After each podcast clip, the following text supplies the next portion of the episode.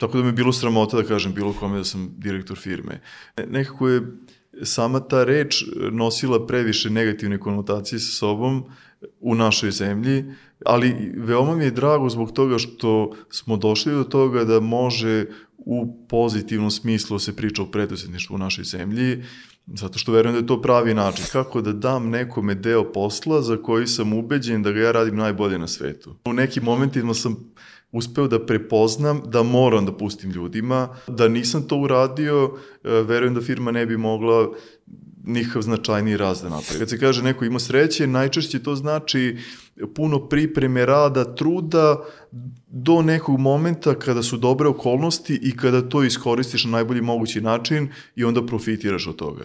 Ljudi moraju da budu spremni da izađu iz zone komfora. Ako oni ne mogu da da priđu meni kao potencijalnom investitoru, da me pogledaju u oči i da pričaju sa mnom, onda su male šanse da će moći to isto da urade i pred svojim klijentima u budućnosti. Dobrodošli u najgledaniji biznis podcast u regionu. Ja sam Vladimir Stanković. Ako želite da svakog meseca otkrijete pet biznis tajni najuspešnijih digitalnih preduzetnika i upoznate preduzetnike slične vama, onda ste kandidat za biznis tajni. Link za privu se nalazi u opisu podcasta ili na sajtu biznistajne.com, a svako ko dođe preko linka iz ovog podcasta ima 20% popusta na prvi mesec. Neko skaliranje, da, dalje neki ono level up. Tako ćemo da krenemo. Prije za to. Apsolutno, da, da. Učite iz grešaka. Biznis priče. Danas u gostima imam Sašu Popovića, ali nije Saša iz Granda, već Saša iz Novog Sada, Vega IT, Saša Popović. Saša, dobrodošao u Biznis priče. Hvala Vladimire, bolje vas našao.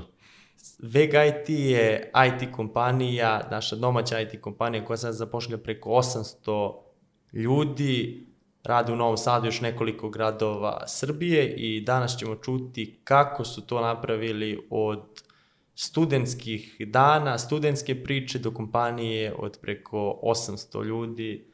Je li to ta biznis priča, Saša? Jeste. Ili ona Jeste. vezana za, za muziku? ne, ne muzika. Nemaš veze sa, sa muzikom? Nemam, nemam, nemam. Nemam, nemam uopšte talenta, talenta ni malo za muziku. A morat ću, morat ću najavi malo da, da za golica maštu da ih pitam da li je to taj Saša Popović. Ti si od, sa svojim partnerom, sa kolegom sa fakulteta u studentskim danima mašto da budete preduzetnici, studirali se na FTN-u, šta ste studirali, informatiku? E, studirali smo elektrotehniku i računarstvo. Ove, pa da, obojica smo došli u Novi Sad e, 99. godine, počeli da studiramo. Ove, bavili smo se svim i svačim uz studije da bismo zaradili, a i da bi naučili ovaj posao. E, kombinovali smo jedno i drugo i, i razmišljali o tome, to jest maštali o tome kako ćemo jednog dana osnovati svoju kompaniju. Jeste imali tad neke uzore, da kažem, i u društvu, ljude koje ste gledali da su imali svoje firme, ipak je to bilo malo drugačije vreme. Pa iskreno nismo. Nismo posebno ne u Srbiji. Na, čak smo e, u to vreme mislili kako je neophodno da kad završimo sa studijama, o, odemo u recimo Nemačku, tamo se zaposlimo, pa onda tamo stičemo neko iskustvo i zaradimo novac da bismo nekada osnovali svoju kompaniju. U, mislim, u to vreme većina ljudi tako i razmišljala. Jednostavno mora se ode u Nemačku ili neku sličnu zemlju da bi se radilo i zaradilo. A jeste delili te ambicije sa, sa ljudima iz svoje okoline da vi hoćete da napravite firmu, da hoćete nešto drugačije? Mislim da nismo. Mislim da nismo. Je to bilo onako samo između nas dvojice. Um, verovatno su ljudi primetili neke druge stvari. E, recimo, Vladan i ja smo u jednom momentu zajedno sa još jednim kolegom iz studentskog doma e, napravili prvu računarsku mrežu u studentskom domu. I to je onako bio, to je bilo nešto nekomercijalno, ali opet bio neki poduhvat koji nam je bio zanimljiv i za sticanje iskustva i tako dalje, pa je možda moglo na osnovu toga nešto se nasluti da imamo ambicije da nešto stvaramo i u budućnosti. Kom trenutku dolazi osnivanje firme? Koliko ste se pripremali za, za to? E, Pa pripremali smo se, da kažem, puno, e, radili smo puno, učili e, i tokom studija i nakon što smo se zaposlili. Zaposlili smo se prvo u, u, u ovoj struci u jednoj holandskoj firmi i sad, ajde, mislim, mislim da je to bilo nekih recimo pet godina koliko smo sticali tamo iskustvo. E, radeći u toj firmi, ja se stvarno trudio što više naučim svakog dana i o samom poslu kojim sam se bavio, to je bilo programiranje i kasnije vođenje projekata, ali i generalno u biznisu. E, tako da gde god je bilo nešto da se nauči, ja sam koristio priliku da iskoristim to što više. E, u jednom momentu, to jest, ajde, prvo, prvo radeći ovaj, u toj firmi, Vladan i ja smo u paraleli radili kao freelanceri. Znači, u slobodno vreme smo radili za neke klijente koje smo nalazili preko interneta. Uh, oni su bili iz inostranstva, bilo ih iz Holandije, A Austrije. koje su to usluge bilo u tom trenutku? Uh, programiranje, znači programiranje. U raznim tehnologijama nismo birali šta ćemo raditi, bilo je bitno sti, stičemo što više iskustva, da zaradimo nešto i, i da se spremimo, jer taj freelancing nam je pomogao da uh, poboljšamo razne neke uh, veštine koje nismo toliko lako mogli da steknemo samo baveći se programiranjem u kompaniji. Tako da je to puno značilo, a i, a i napravili smo mrežu neku koja nam je onda značila i kada smo osnovali kompaniju. I sad ono što je bilo zanimljivo, ne znam da li sam to spominjao ranije javno ili ne, pre nego što smo osnovali kompaniju, imali smo priliku da to uradimo zajedno s nekim investitorima iz Holandije. I super je, super je zvučala ta prilika, u pitanju su bili ljudi s kojima smo radili ranije kao freelanceri, i trebalo je bude to ostvarenje naših snova. Znači, onako, već smo videli sebe u svojoj kompaniji, kako to svi izgleda, kako je gradimo, uz podršku tih ljudi koji su već imali jako puno iskustva u biznisu i para i tako dalje.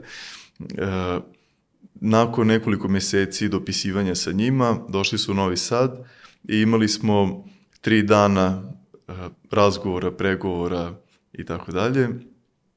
Poslednji sastanak je počeo negde, čini mi se oko četiri popodne i završili smo ga kasno noći.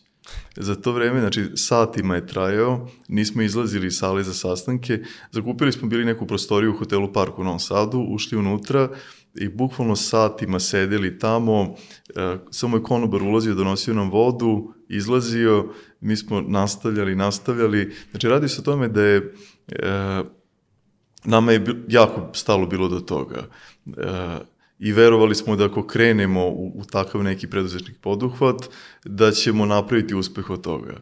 E, ovi naši potencijalni partneri su takođe verovali u nas, ali su bili spremni da nam daju jako malo. To jest, nama je bio utisak da je to premalo. U suštini nudili su nam po 5% udela, što nam je bilo u redu, uh, i nudili su nam minimalne zarade. Znači, nudili su nam, mislim, da to tad bilo oko 200 evra. Ili minimalac. čak može, da, minimalac. Uh, sa idejom da mi kao suvlasnici firme treba da zaradimo od vlasničkog udjela koji ima u toj firmi. I to je nama sve imalo smisla. Znači, ove, i verovali smo da, iako je to 5%, mi ćemo uraditi šta treba da tih 5% vredi jako puno. Ali onih, on, onaj minimalac nam stvarno nije bio dovoljan. Jednostavno nismo mogli od toga da živimo. Imali smo nešto uštećevine, ali to je sve bilo sitno. E, oni nisu mogli neko da, da shvate da, da u našoj državi nismo mogli da finansiramo sebe par godina dok taj, dok taj biznis ne postane veoma profitabilan i tako dalje. I neko smo se vrtili oko toga satima i malo... Šta njima bio toliki problem sad, da li minimalac ili puta četiri? Ni mislim, opet... mislim da je stvar principa, principa i da jednostavno nisu poznavali ovde lokalne prilike i kulturu, uh, zato što u Holandiji verujem da bi to bilo izvodljivo. Jednostavno postoje razni načini kako čovek može uh, da izdržava sebe ili da ga neko izdržava dok uh, pokušava dok da izgradi biznis, da. nešto, da, dok, dok to ne krene da donosi neki novac. Uh, tako da eto, to je, to je onako bilo, jako je bilo napeto, jako je bilo čudno, Ove, I onda jedan momentu smo nas dvojice presekli i rekli, e, ipak odustajemo od ovoga. Iako je to bilo onako, već vidimo, stvaruje se naš san, dešava se ono čemu smo maštali sve i rekli smo, ne, ipak odustajemo od ovoga. Uh, nije bilo baš sve jedno, znači onako neko kad smo izašli ove, iz te sale, da. da, bilo je malo razočaravajuće tada, sledećeg dana, ali već posle nekoliko dana smo seli, uh, složili misli i odlučili da krenemo sami. Ali misliš da, da, da imaš, da si u tom trenutku imao ili da ste imali u tom trenutku ove pregovaračke, da kažem, i sposobnosti i veštine koje ste godinama gradili, da biste mogli da napravite bolji dil u tom trenutku? Ubeđen sam da bi, ubeđen sam da bi, ili da smo imali nekog da nas posavetuje, ili da da se uključi sa nama u te pregovore ili što god. Znači, jer mi smo to nekako pomalo i naivno ušli sami u te pregovore. Uh, verujem da sada bismo mogli i da pomognemo našim tim ovaj, nesuđenim partnerima da oni bolje prođu kroz ceo proces, ali jednostavno nismo to znali. Možda još zanimljivo da spomenem na tu temu uh, nekoliko godina kasnije uh, Vladan i ja smo bili u Holandiji u posjeti nekim klijentima i uh, javili smo se jednom od tih ljudi koji su nam nudili tada da osnovimo zajedno firmu. E, rekli smo smo u Holandiji, on je rekao, e, odlično, baš sam teo nešto da ti se javim, e, imao sam neku ideju koju ste da popričam sa tobom. Ja sam rekao, super, otišli smo tamo, Vladan i ja, e, i čovjek nam je ispričao o nekim njihovim planovima za dalje širenje koji podrazumevaju akvizicije kompanija, rekao je kako je pratio šta smo radili prethodnih godina, to je bilo možda nekih pet godina nakon što smo osnovali kompaniju. E, I rekao je kako on veoma zainteresovan da kupi firmu od nas. I dao nam je konkretnu ponudu. I to onako u tom momentu stvarno nam je imponovalo, super smo se osjećali. Nije bio minimalac. Nije, nije bio minimalac. Ove, ovaj, ali smo, bukvalno bez da smo se nešto konsultovali vladan i ja, samo smo mu rekli da nismo zainteresovani i to je to. Verovali smo da možemo puno, puno više da napravimo od onog što smo u tom momentu imali i što je on bio spreman da plati.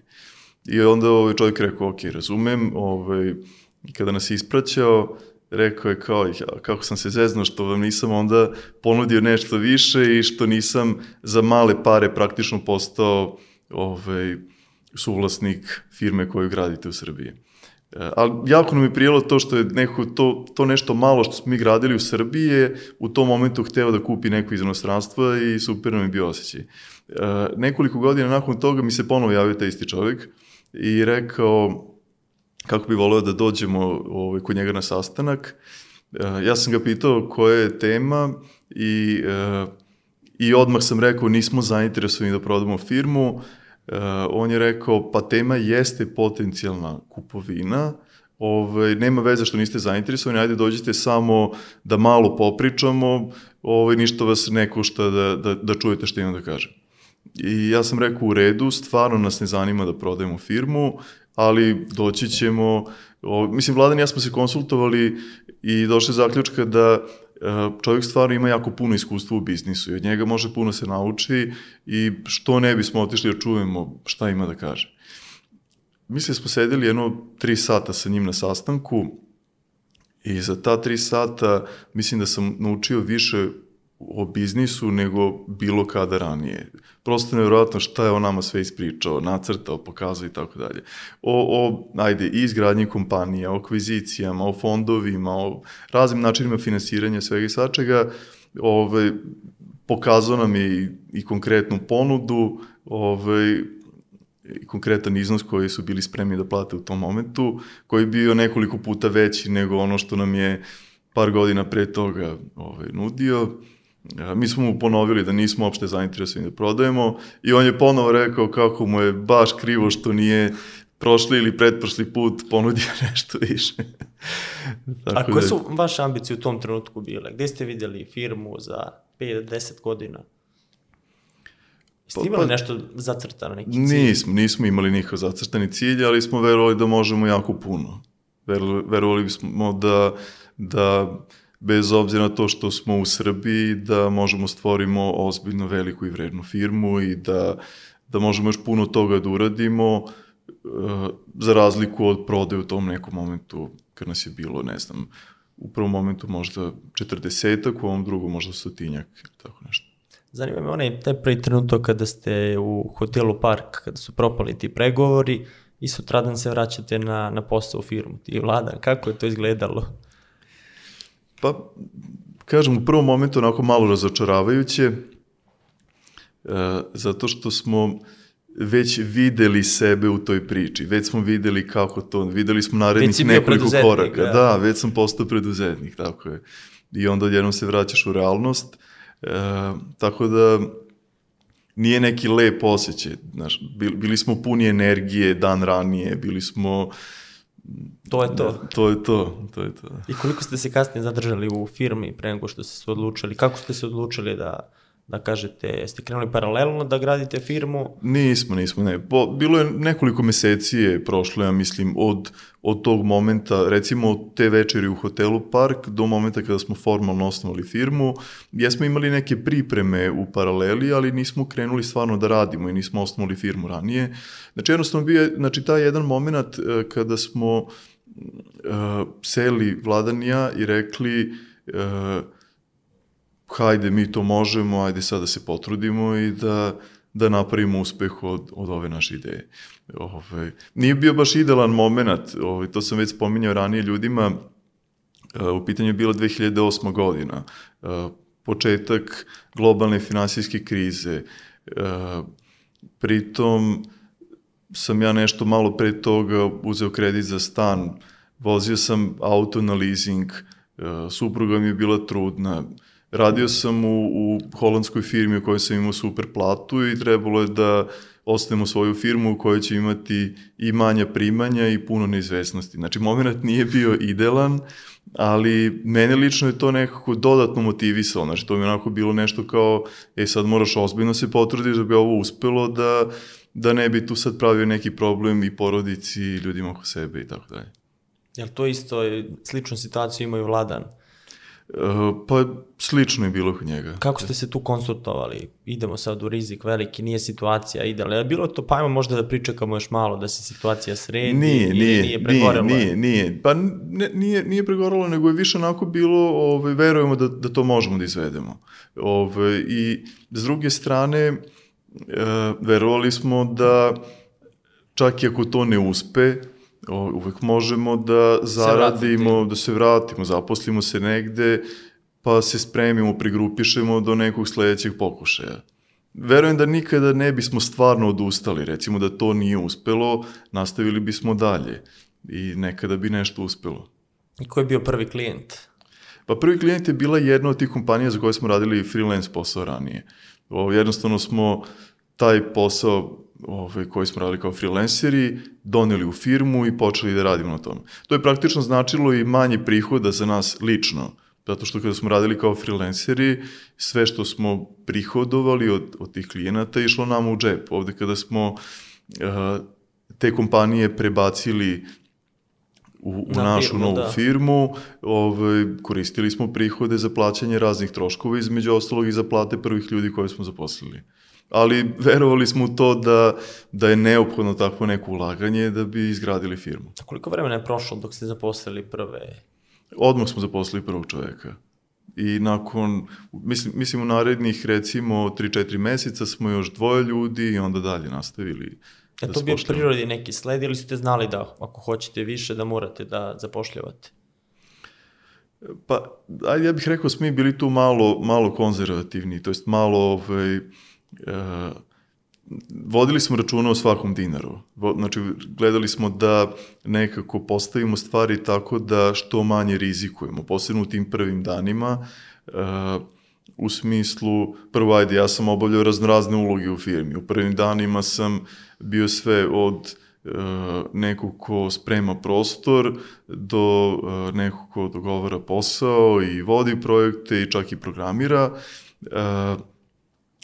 Zatim, kada smo uh, dobijali neke nove projekte, tada smo se trudili da što pre zaposlimo ljude koji će ovaj, nam pomoći da to i realizujemo što treba. Uh, imali, smo, imali smo puno kolega koji su nam uskakali i radile nešto part-time, to jest u svoje slobodno vreme i ovaj, do momenta dok ne dođemo u poziciju da možemo da ih zaposlimo na puno radno vreme i da, da onda postanu deo kompanije. A to što se rekao, koliko ti je bilo teško da, da delegiraš u tom samom startu, jer s jedne strane moraš ok ide delegiranje, s druge strane moraš i novac da izdvojiš za tu funkciju, da. ovako može, možda ti možeš to da odradiš, da uštediš, nije lak izbor da. posebno u toj ranoj fazi. Da, pa pazi, još veći izazov mi je bio kako da dam nekome deo posla za koji sam ubeđen da ga ja radim najbolje na svetu. Mislim da je to česti izazov ljudima koji vode kompanije, nekako ubeđen si u to da ti radiš to najbolje, da niko drugi to neće bolje raditi, a treba sad da prepustiš nekom drugom. Znači, to, to je meni bio najveći izazov. Ove, ove što se tiče financija, ovaj, ulaganja troškova, to smo nekako, rekao bih, prilično dobro ovaj, birali moment kada ćemo nekog zaposliti. E, a, a ovaj, ovaj deo s kojim, smo, s kojim sam se ja lično borio je, ne, ne, znam ni kako da kažem, jednostavno u nekim momentima sam uspeo da prepoznam da moram da pustim ljudima, ovaj, drugim da preuzmu neki deo posla. Da nisam to uradio, e, verujem da firma ne bi mogla nikav značajniji raz da napravi. Vjerojatno bismo bili na 30-ak e, ljudi i vrteli se na tom nekom broju. A ko je taj prvi deo koji si delegirao? To taj tehnički deo? Programiranja Prvo je bio ili... tehnički, onda je bilo sledeće uh, vođenje projekata. Uh, kasnije je bilo to, recimo, uh, bavljanje financijama. Relativno rano smo zaposlili nekog ko se bavi financijama. Uh, onda kasnije to ovaj, bio marketing, pa uh, ljudi koji se bave ljudima i tako dalje. U kom trenutku je došao ta neki prvi ozbiljniji rast za vas, kad ste rekli, uf, ovo baš ide brzo? Pa pazi, taj prvi za koji bih ja rekao je došao relativno brzo, ali to je veoma skroman rast sad kada posmatram iz ove perspektive. E, bilo je recimo negde na samom početku, možda jedno četiri meseca od kada smo osnovali firmu, e, dobili smo priliku da radimo na velikom projektu e, za jednu veliku evropsku banku, ING banka je bilo u pitanju. I tu dobili smo, u suštini, mi smo se predstavili našim klijentima kao malo veća firma nego što smo stvarno bili u tom momentu da bismo dobili posao. Imali smo partnera iz Holandije tu, e, firmu e, koja je znala koliko mi možemo, koliko smo dobri i tako dalje. Baš su želeli da rade sa nama, iako smo bili mali, e, zbog toga što su znali da tu ima nekoliko ljudi koji stvarno znaju vrhunski posao koji trebalo raditi. Uh, taj projekat nam je omogućio da zaposlimo desetak ljudi, što je nama bilo jako puno u tom momentu i bili smo oduševljeni time. E, tako da, relativno brzo se desio taj, taj prvi moment. Kako ste ti, Vladan, delili odgovornosti, posebno u tom samom startu? Ko je za šta, ko će šta da radi? Pa u samom startu možda to nije, nije bilo neke velike podele. Vodili, vodili smo projekte, radili na njima Sve. i to je... Da, da. E, kasnije, e, narednim godinama smo se podelili tako što je on otišao više na stranu rada sa klijentima, a ja više na stranu rada sa kolegama. Nema tu neke baš precizne podele i obojica učestvujemo u jednom i drugom poslu i vrlo često ja odem na sastanke sa klijentima, ali recimo da smo otprilike takvu neku podelu napravili. A kako je uspelo i da, da opstane to dugogodišnje i partnerstvo od studentskih dana do, do dana današnjeg? Jer ste isti, suprotni? Kako se tu uklapate? Da, pa veoma smo različiti. Veoma smo različiti, e, što je s jedne strane odlično, zato što se dopunjujemo, e, i to nam je vrlo često značilo, jednostavno zajedno smo bili pametniji kada je trebalo donositi raznorazne odluke. S druge strane, ta različitost i različiti pogledi na, na, na razne konkretne stvari su znali da budu ozbiljan izazov. E, imali smo situacije kada smo se satima raspravljali oko neke teme, e, to jest kažem imali smo, imamo ih i dalje, Znači i dalje su to, i, i dalje se relativno često dešava da mi e, zaglavimo u nekoj raspravi i ne znam, pola sata, e, pola sata se čak vrtimo oko nečega nekonstruktivno. I dalje toga ima. Ali ono, ono što je bitno je da uh, uspevamo, uspevali smo od početka to, uh, uspevamo sada još bolje da prepoznamo takve situacije da se malo izdvojimo iz, iz cele te rasprave, bar u mislima, e, i da se setimo da obojica želimo dobro e, biznisu, želimo toj nekoj stvari o kojoj pričamo, obojica želimo to uspe. Samo što e, verujemo u to da na različite načine treba doći do tog nekog cilja o kom pričamo.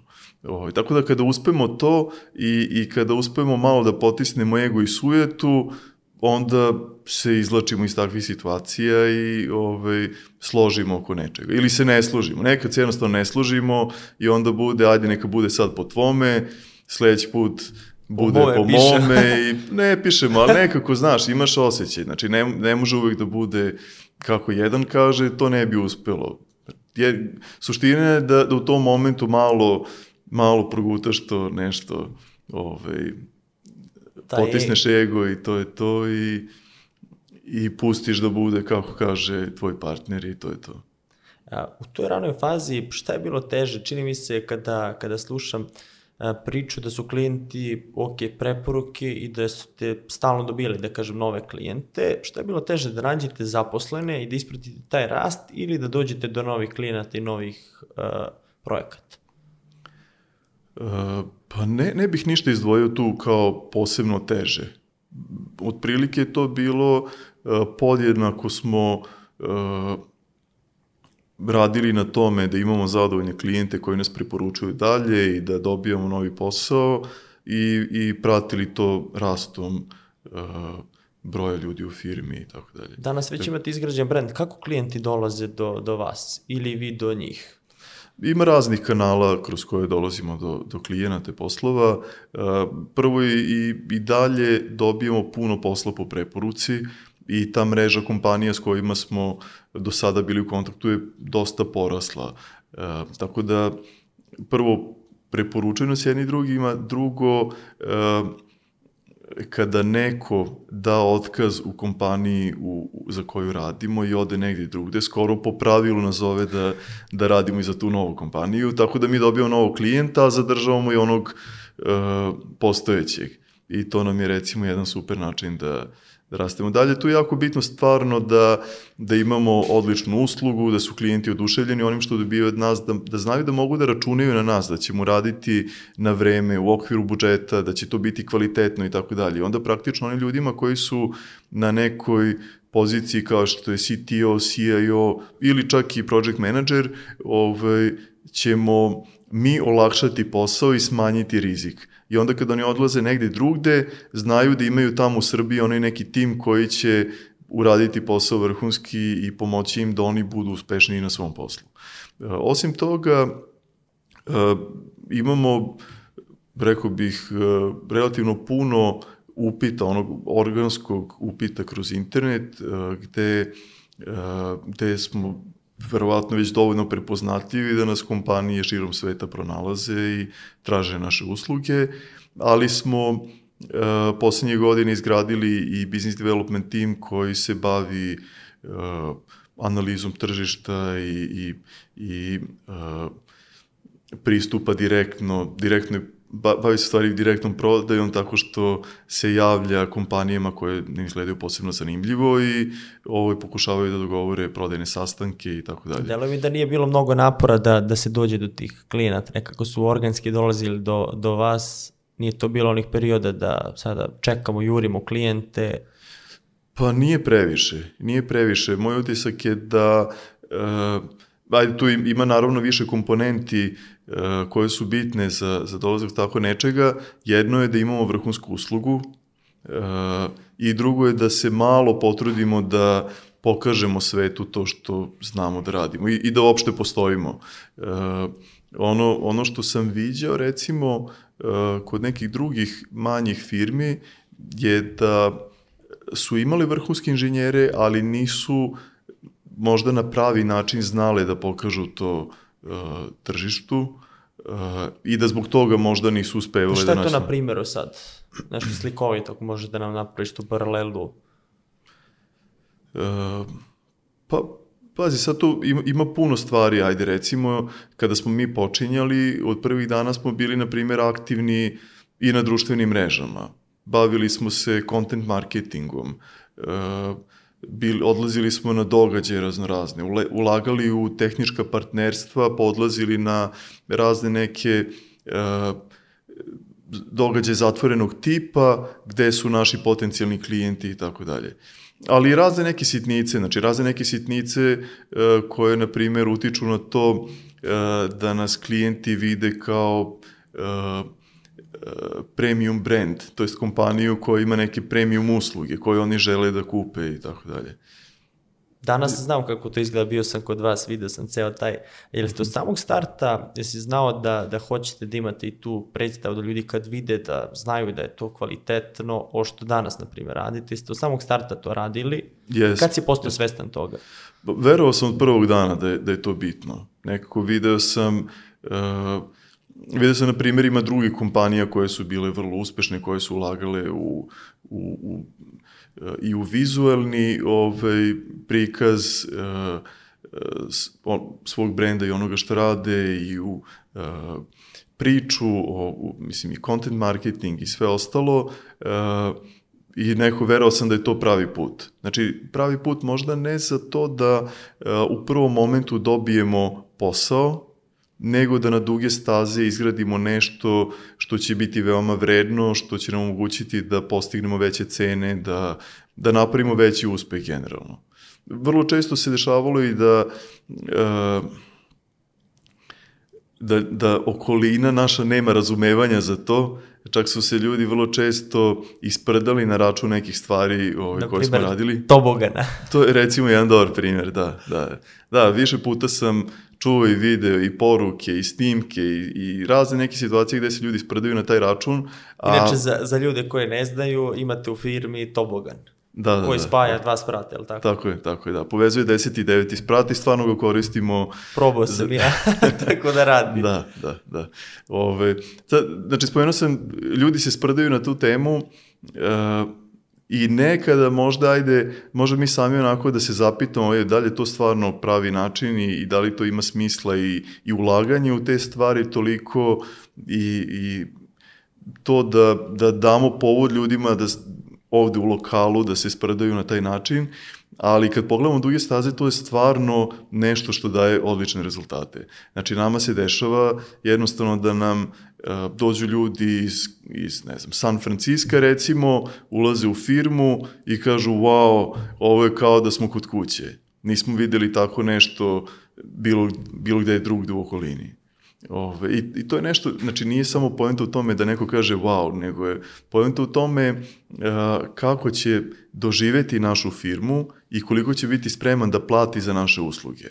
Uh, da, ajde daću ti jedan primer. Recimo, uh, ovo je bila neka situacija koja se desila neposredno pre početka pandemije koronavirusa. Uh, javio mi se jedan klijent iz Holandije i rekao uh, da bi došli kod nas u posetu da pričaju o smanjenju naših cena. I između ostalog je dolazio jedan od osnivača te kompanije koji u tom momentu bio najveći shareholder u kompaniji. Vlasnik najvećeg dela udela u kompaniji.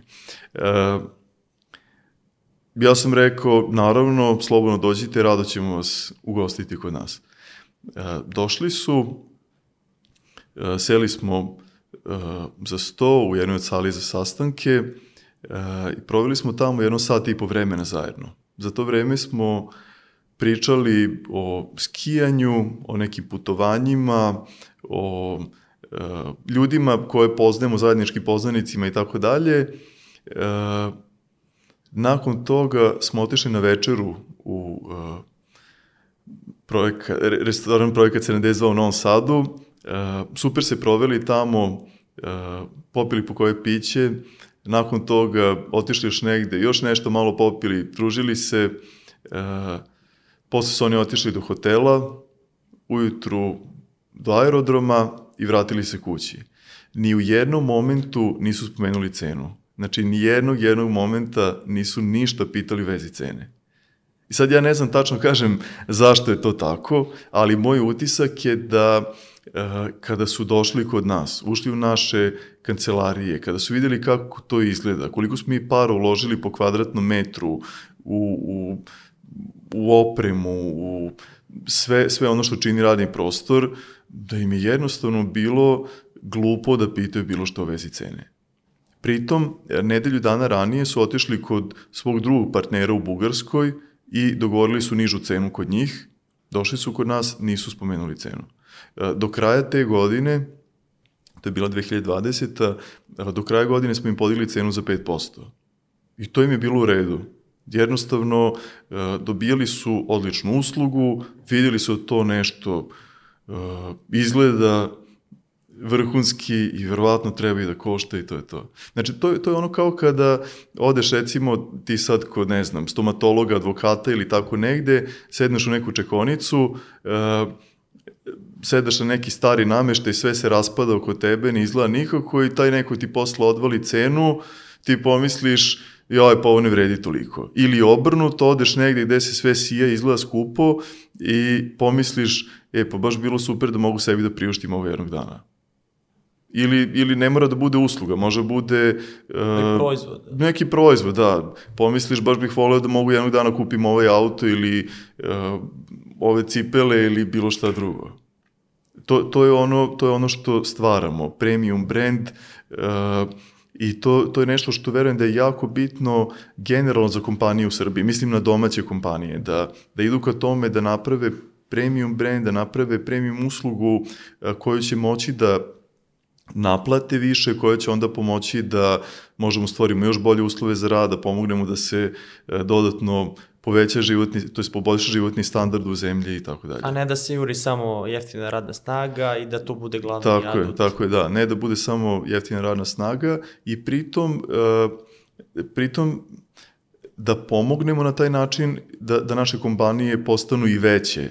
Ovaj, zato što ja znam za, znam za recimo domaće male firme koje isto imaju vrhunske inženjere kao i mi, ali ne uspevaju da to uh, da, da povećaju uh, svoje kompanije, da zaposle veći broj Šta ljudi. Šta im to, to nedostaje? Šta je tu glavni problem kad si analizirao?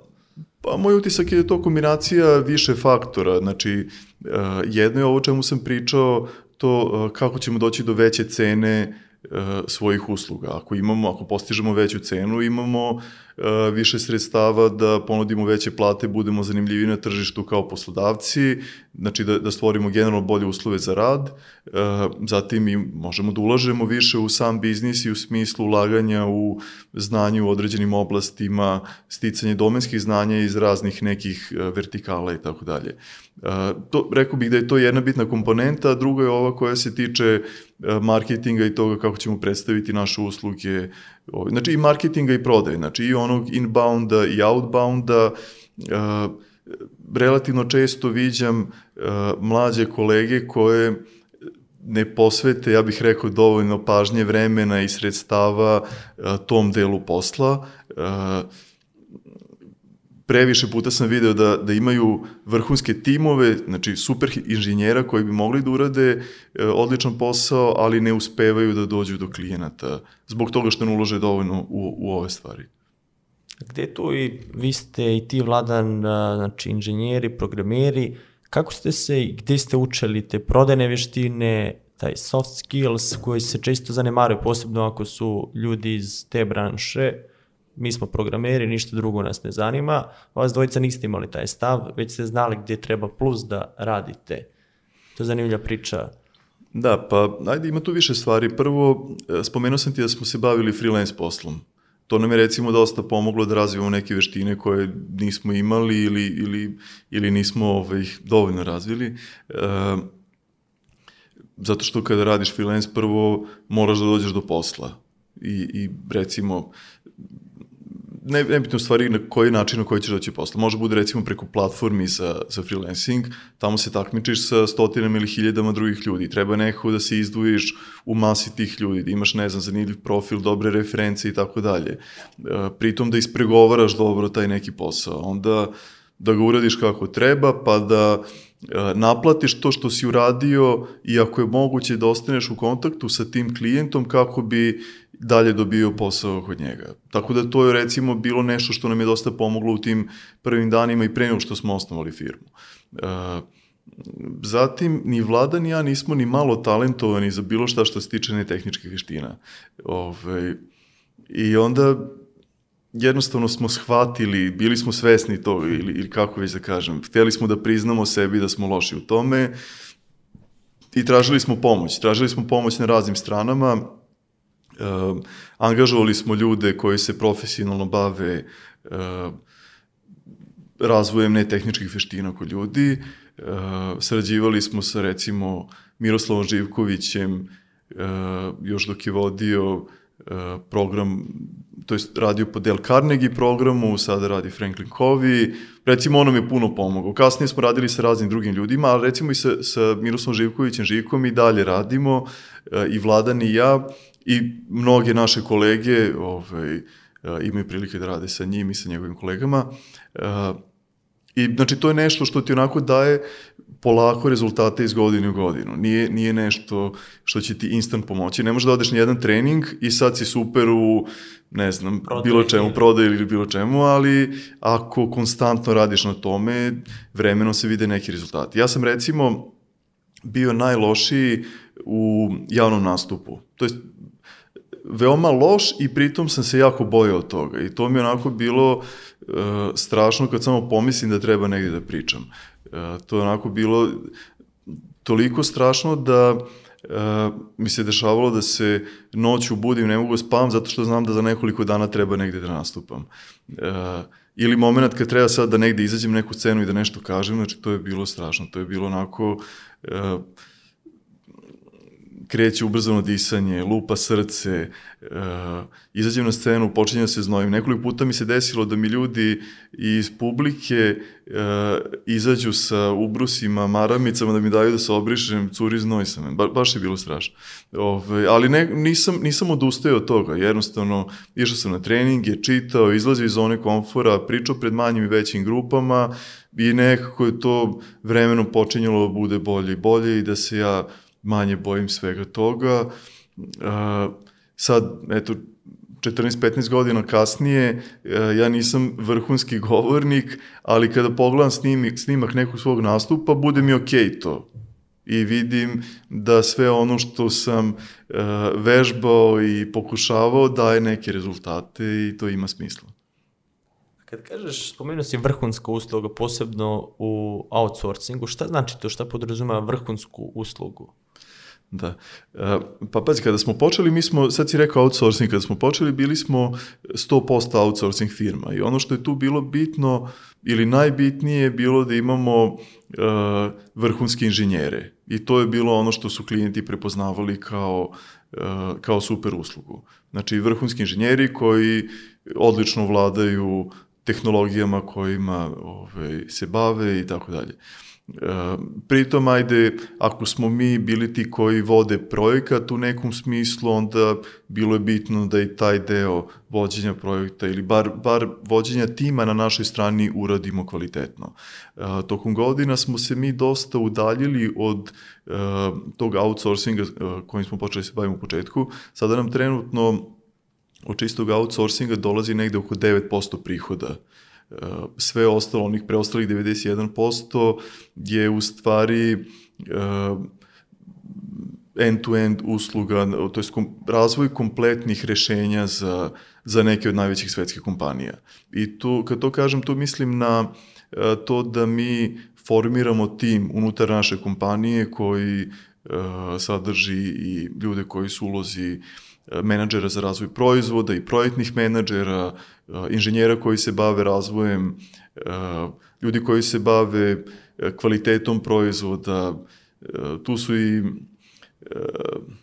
poslovni, to je ljudi, biznis analist, ljudi koji se bave analizom poslovnih zahteva i tako dalje. Znači, praktično možemo ponudimo kompletnu uslugu klijentima, vrlo često razmišljamo za naše klijente u potpunosti uh, i sa one funkcionalne strane i tehničke strane i tako dalje.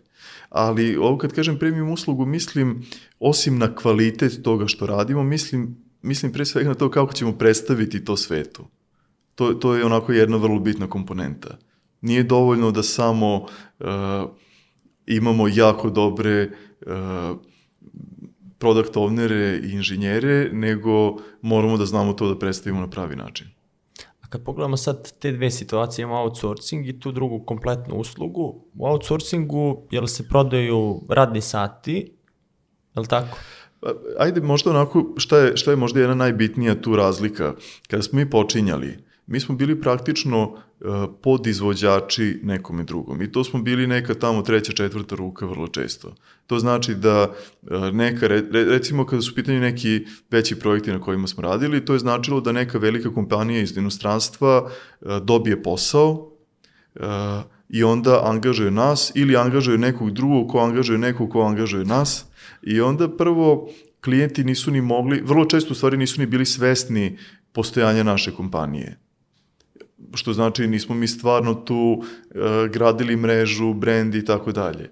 Uh, drugo, uh, nismo bili u nekoj velikoj meri zaslužni za uh, stvarno kvalitet samih proizvoda koji su se razvijali i tako dalje.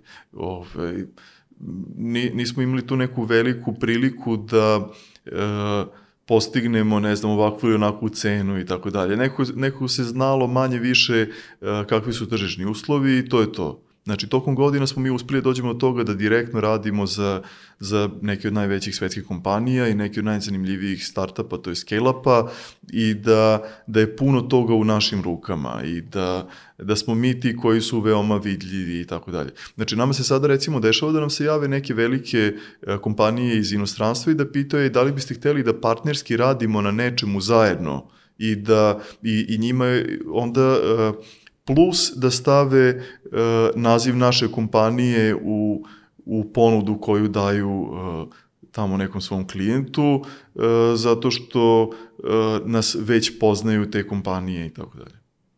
Šta sprečava kompanije generalno u Srbiji da a, se odvoje od a, outsourcing modela i da prijeđu ili na taj ili izgradnju sobstvenih proizvoda. Čini mi se da je i sad outsourcing posebno kod nas u IT medijima, da ima neku negativnu konotaciju, bar se tako provlači, već da. se forsira ta priča da imamo, zašto ne možete da imate sobstvene proizvode i ostala priča koja ide uz to. Da. Pa, pazi, ove, ja, ja prvo, ja sam i, i osnivač, investitor u više startupa, znači inovativnih kompanija koje imaju sobstvene proizvode.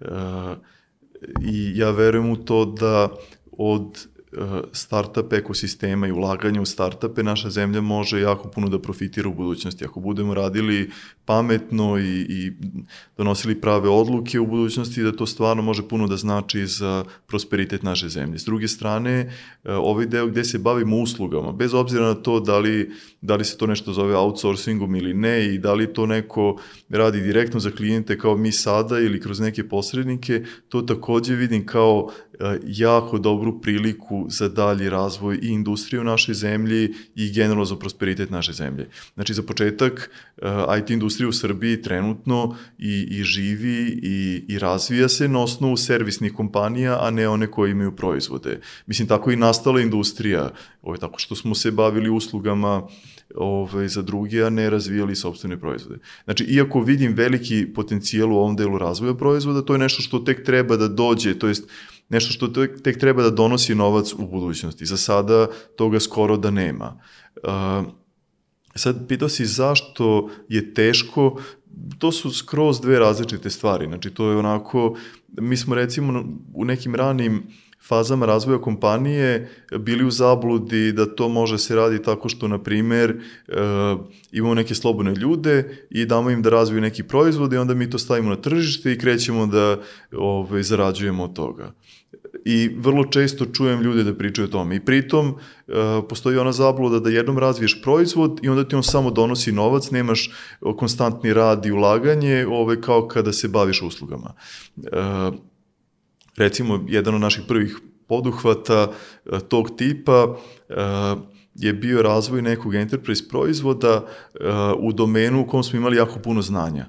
I seli smo nas šestorica, uključujući Vladana i mene, nas dvojica smo radili ovaj, deo radnog vremena na tome i e, mislim da smo neki recimo 6-7 meseci radili na razvoju.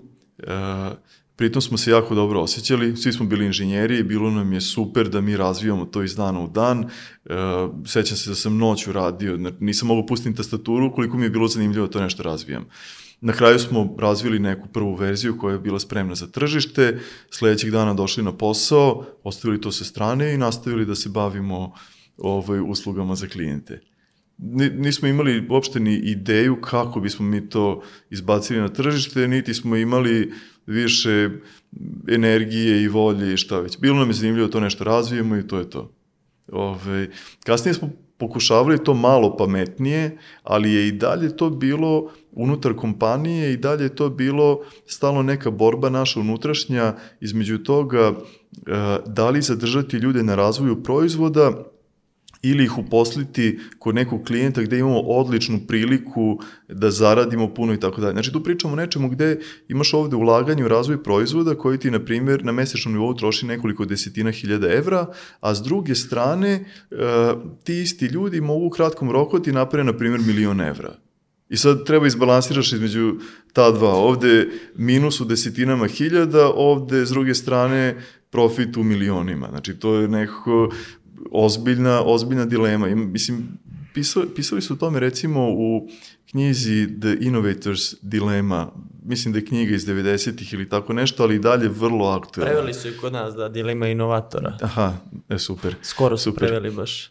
Super, ovaj, znači je, jedan od saveta ovaj, e, iz te knjige je da se e, ulaganje u razvoj nekih inovativnih proizvoda ili usluga izdvoji u zaseban između ostalog i entitet. Ako je moguće i fizički da se ljudi razdvoje i da kompanija koja se bavi recimo uslugom nema pristup onim ljudima koji tamo razvijaju, prodaju i tako dalje, taj neki proizvod.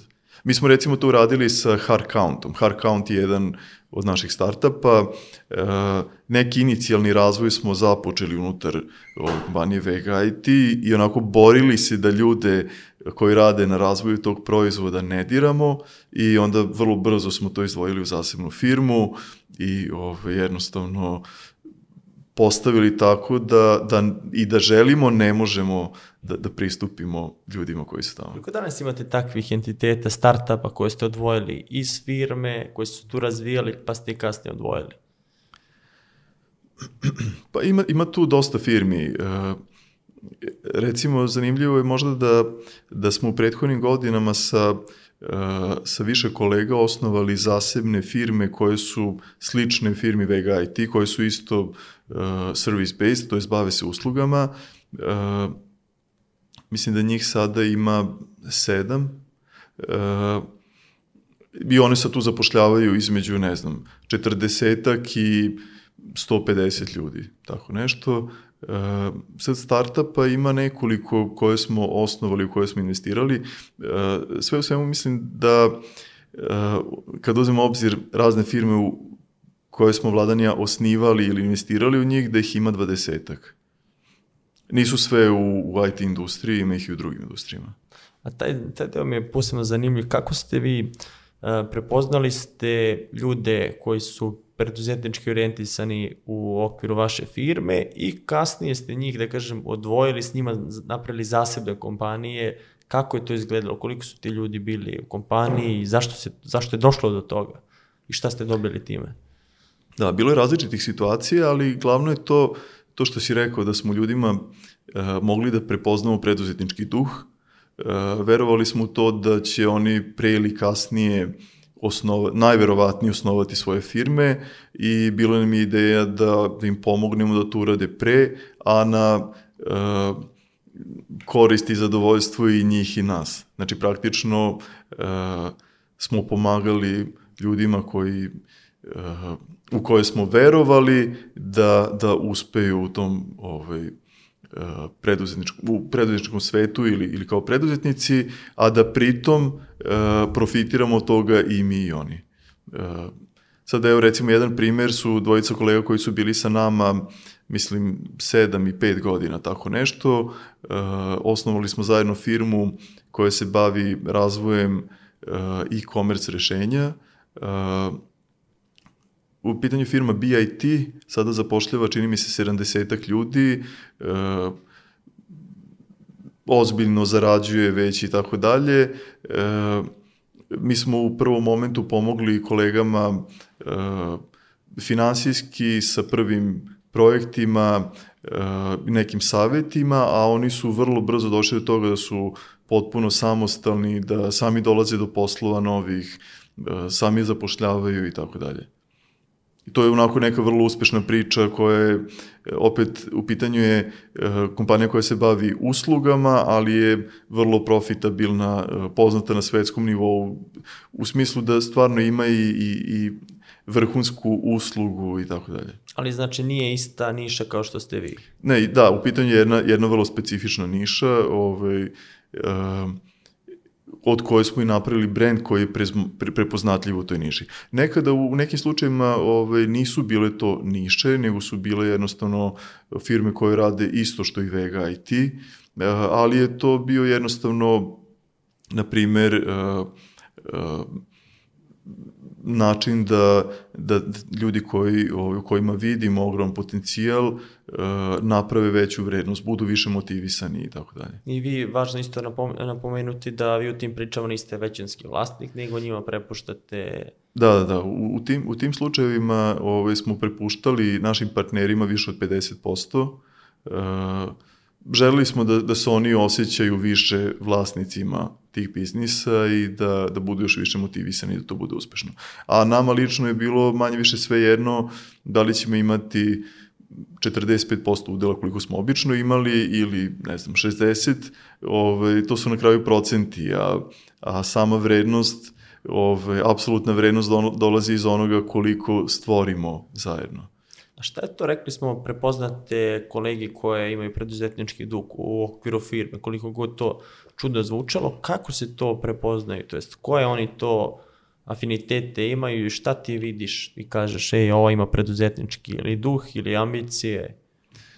Pa ne znam sad baš da ti kažem konkretno, sada da nabrojim neke stvari i da kažem, e, to je neka formula.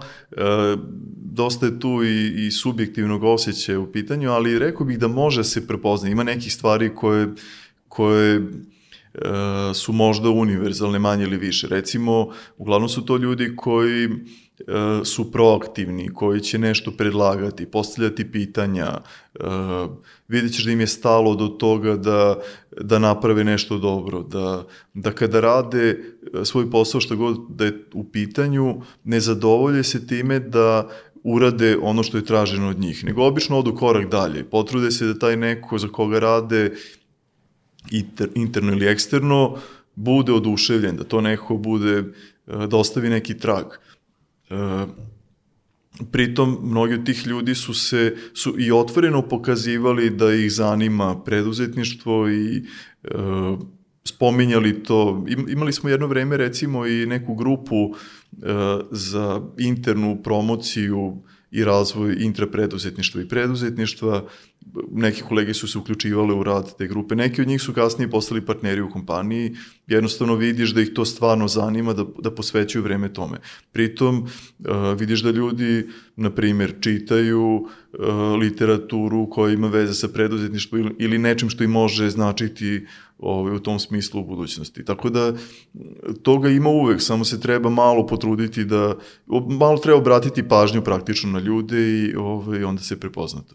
Vi ste jedni od pionira davanja vlasničkog udjela zaposlenima. Mm -hmm. Čak i pre ovog zakona koji je donet pre par godina, kako je to izgledalo? Znači, kod vas ljudi koji su bili tu zaposleni, ispunili kriterijume, mogli su da postanu partner u kompaniji? Pa dobro, sad nije baš da, da imamo neki kriterijum, pa ako se ispuni, onda A da, ali, postane, ali, ali postoji a, da, mogućnost. Da, postoji svakako, da. Ovaj, prvi put smo vlasnički udeo dali Bobanu Mikšinu ovaj, u kompaniji Vega IT, to je bilo, mislim, možda jedno pet godina nakon osnivanja firme, dali smo u vladanija 5% udelo firme. Bez da smo tražili išta, ovaj, čovek je bio jako vredan nama kao kompaniji i videli smo veliki potencijal u njemu i verovali smo da ako mu damo 5% udela, da ćemo dobiti puno više u, u narednim godinama. I sad kad pogledam to, ovaj, kad pogledam unazad, uh, ta odluka mi se čini kao veoma pametna i, i jer bilo je, ve, bilo je veoma unosno to ove, što je on postao deo firme. Uh, kasnije smo uh, to što smo spominjali malo pre, osnivali firme zajedno sa, sa ovaj, kolegama, poznanicima, e, davali im udeo na taj način, a ovaj, poslednjih godina smo dali ljudima udeo ovaj, e, kao i Bobanu, e, isto na osnovu toga što verujemo to će nam donositi još veću vrednost. To je činiti da kompanija vredi više i da zarađuje više i tako dalje. Pre par godina je donet e, zakon koji olakšava tu proceduru. Kako je izgledalo tada kad ste vi prvi put to delili i sada šta da. donosi ovaj zakon? Da. Pa tada kad smo mi to radili, uh, nije bilo nekih različitih ovaj, opcija, jednostavno smo ljudima davali vlasnički udeo od prvog dana. I to je to. E, u nekim slučajevima smo pravili ugovor uh, ugovor on, ono što se popularno zove shareholders agreement uh, to jest ugovor o regulisanju međusobnih os, odnosa osnivača uh, i kroz te ugovore smo pokušavali nešto na neki način da, da definišemo taj naš odnos i recimo neke stvari poput onih da ljudi treba da ostanu u firmi određeni broj godina i tako dalje. Ali nismo imali stvarno zakonsku podršku za tako nešto. E, donošenjem tog zakona pre, čini mi se, dve godine e, smo dobili mogućnost u Srbiji da ljudima dajemo opcije na udele, e, to jest da, da, da postignemo da ljudi nakon nekog perioda i nekih ispunjenih uslova e, mogu te opcije da e, pretvore u vlasnički ude u firmi. Na primer, ne, nešto što je onako vrlo uobičajeno u celom svetu je da ljudi dobiju priliku da postanu suvlasnici firme ako određeni broj godina ostanu u firmi. I to je sada moguće. S jedne strane, je to zakonski omogućeno i, i sa porezke strane i tako dalje, a s, dru, s druge strane taj zakon štiti i ljude koji dobijaju opcije, zato što oni stvarno dobijaju finansijski instrument koji se registruje u tamo nekom registru uh, agencije za hartije od vrednosti ili kako već i ovaj, nije samo neko obećanje ili slovo na papiru, nego stvarno je zakonski, ovaj, zakonski podržava i ljude koji dobijaju te opcije i koji će u budućnosti postati vlasnici udela. A te opcije su poput akcija firme? Poput akcija firme, recimo, ali ali to, znači, poput share options ili tako nešto u inostranstvu, znači, praktično, evo, evo konkretnog primjera, nekim ljudima u firmi smo dali e, pre godinu i nešto dana e, po 1% udela u firmi e, uz ono što se zove vesting, vesting. period od 5 godina. Što znači da na svakih godinu dana oni dobiju po 20% od tog dogovorenog udela, to je 0,2% e, udela u firmi. E, u junu ove godine su neki od njih, prvi od njih, ovaj, dobili po 0,2% udela u firmi i sada ako odeš na sajt Agencije za privredne registre, vidjet ćeš tamo još nekoliko ljudi koji su suvlasnici firme sa po 0,2% udela. Uh, sledećeg juna, znači 2023. će oni imati po 0,4 posto udela u firmi i tako dalje, ovaj, nakon što prođe 5 godina imaće po 1% udela u firmi.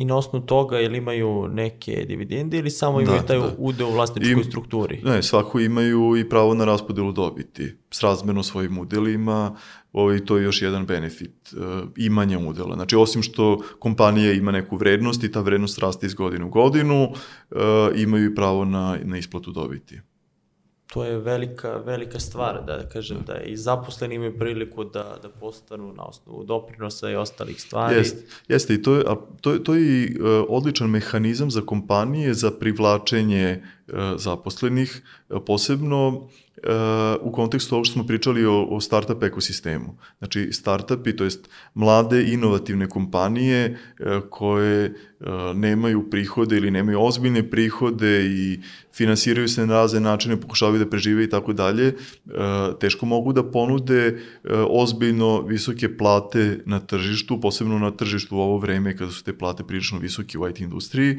ali mogu da ponude udeo svojim potencijalnim zaposlenima, uh, udeo koji bi u budućnosti mogu da ima ozbiljnu vrednost. Uh, naravno, to je rizik i za jednu i za drugu stranu, ali s druge strane uh, može da bude veoma zanimljivo. I to je nešto što se koristi svuda u svetu, mehanizam koji ovaj, od nekih ljudi prvih zaposlenih u kompanijama učini učini ih milionerima. Ove, naravno, neki ne dobiju ništa od toga, ali to je sve deo igre. A u kom trenutku si ti postao anđeo investitor i počeo da investiraš u startupe? Uh, pa ajde, formalno, formalno sam to postao, postao nedavno kroz uh, neku grupu koju smo formili unutar inicijative Digitalna Srbija. Uh, znači imamo sada grupu poslovnih anđela koja uh, radi uz podršku neke strukture koja tu postoji i e, sve to je onako prilično ozbiljno osmišljeno i ljudi koji su članovi e, su tu zbog toga što stvarno e, mogu i žele da investiraju, između ostalog moraju da plaćaju članarinu u toj grupi, tako je to ozbiljno, ali pre toga smo i vladanja investirali bez da smo formalno bili ovaj, e, Članovi. članovi nečega ili šta već. Jednostavno, uh, smo imali priliku da, da ispratimo šta se dešava na tržištu, a i ljudi su nam sami prilazili relativno često. E, tako da, mislim da je to, e, jedna stvar je ta što smo u Srbiji i e, dosta ljudi zna za nas, znaju da smo otvoreni i dostupni i onda jednostavno nam se jave i e, probaju da, da e, nam prodaju svoju priču. A Ko je bio prvi startup koji ste investirali? Nije javna tajna E, ili Čekaj da razmislim samo. koliko ih ima?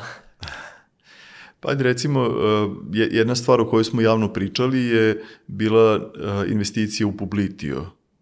Publitio uh, je cloud storage i između ostalog servis koji omogućava transfer, transformaciju medija, medija sadržaja, uh, videa, slika i tako dalje. Ove, znači to je recimo ajde jedno, jedno od prvih onako zanimljivih investicija u startupe. I šta je bilo? Jes, je li tu u okviru inicijative ili... Nije, nije, to je, to je, preko- bilo, to je bilo ranije. Bilo je ranije, pa evo, sve je izgledalo tako što uh, ja, ja sam bio na uh, konferenciji VV Vršac pre puno godina, uh, održao sam tamo neko predavanje, nakon predavanja na pauzi mi je prišao uh, jedan od osnivača Publitija i pitao me za termin za sastanak na kom bi mi predstavili taj proizvod uh, u, smislu da uh, Vega IT postane korisnik, to jest da mi nudimo Publitio našim klijentima kada vidimo potrebu za tako nečim.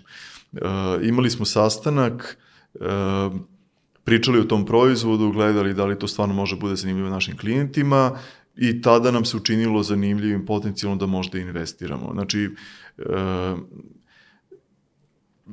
sad ne znam da li stvarno bila namera osnivača Publitija da na taj način dođe do nas kao investitora ili se to tako stvarno izdešavalo, ali eto bio je, bio je kažemo splet okolnosti. E, imali su zanimljiv nastup e, Nemanja koji je meni prišao na toj konferenciji, je nekako hrabro došao do mene, e, predstavio se, uradio neki kratak pitch, ovaj, tako da to je onako već bilo meni zanimljivo i, i neki dobar prvi e, signal da, da, da, da ima nešto u tome. Ovaj, Ali to smart money, e, to, to je bio i smart money i, i investicija, znači i jedno i drugo. Šta njima trebalo osim tog novca? Vaša podrška, to da otvorite nove klijente, Pa bil, bilo je u stvari tri stvari. Jedno, je bilo, jedno su bile financije, drugo inženjerska podrška ove, i treće je da probamo da, da među, među našim klijentima ovaj, uh, proširimo taj proizvod. kažemo ta inženjerska podrška, kako vi određujete ko će biti uključen u taj projekat?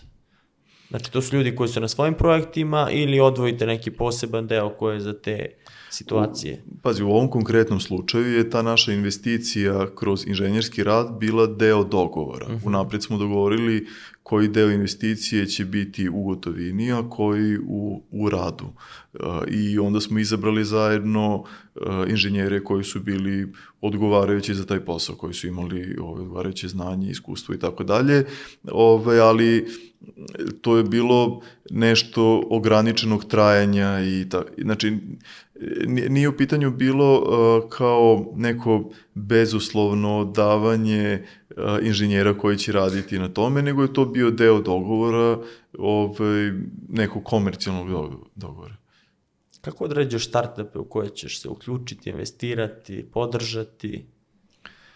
Pa ima tu puno stvari. Jedna je recimo ova koju sam spomenuo da uh, ljudi moraju da budu spremni da izađu iz zone komfora. Ako oni ne mogu da da priđu meni kao potencijalnom investitoru, da me pogledaju u oči i da pričaju sa mnom, onda su male šanse da će moći to isto da urade i pred svojim klijentima u budućnosti. E, pritom, e, treba da, da budu dobri u tome da prodaju nešto. Znači, i meni kao potencijalnom investitoru tu svoju priču i, i ovaj, proizvod koji razvijaju ili što god je u pitanju, ali treba i da tu priču istu prodaju ljudima na tržištu rada koje će zaposliti, a kasnije i sam taj proizvod ili uslugu treba da prodaju uh, nekim klijentima, da, da predstave to na tržištu.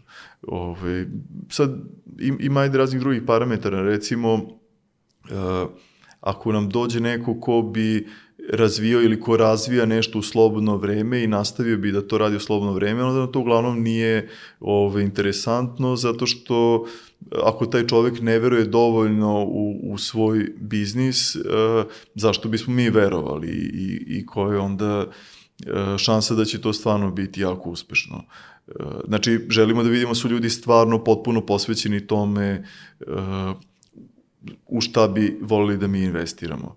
E, bitno nam je takođe da to budu dobri ljudi. Dobri ljudi u, u smislu da, da nama odgovaraju po karakteru, po nekim vrednostima, zato što iako smo mi samo investitori u toj priči, e, opet ćemo imati neki kontakt sa tim ljudima. Viđaćemo se manje ili više, imaćemo e, dobre i loše periode, imaćemo e, manje i više zahtevne diskusije, češće, ređe, ranije ili kasnije i onda nekako ne želimo da ulazimo u nešto gde, gde je onako već na prvi pogled izgledno da, da, da ćemo imati problematične situacije.